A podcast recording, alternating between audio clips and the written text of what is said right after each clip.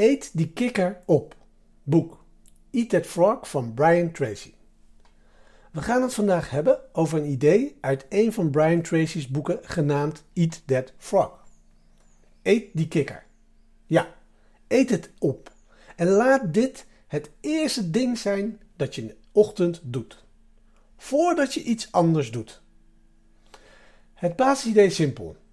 Als het ergste dat je op een dag hoeft te doen een kikker opeten is, en het eerste wat je in de ochtend doet is die kikker opeten, dan gaat de rest van de dag bergafwaarts, toch? Maar dit idee kan je ook een positieve draai geven. Als je hebt besloten wat je belangrijkste ding is, en je doet dat als eerste van de dag, is het echt moeilijk om een slechte dag te hebben. Daarom is het zo belangrijk om elke dag met het creatief werk te beginnen, voordat we reactief worden. Echt elke dag. Voeg een beetje meer diep werk mojo toe. Eet de kikker als eerste op en doe dat elke dag.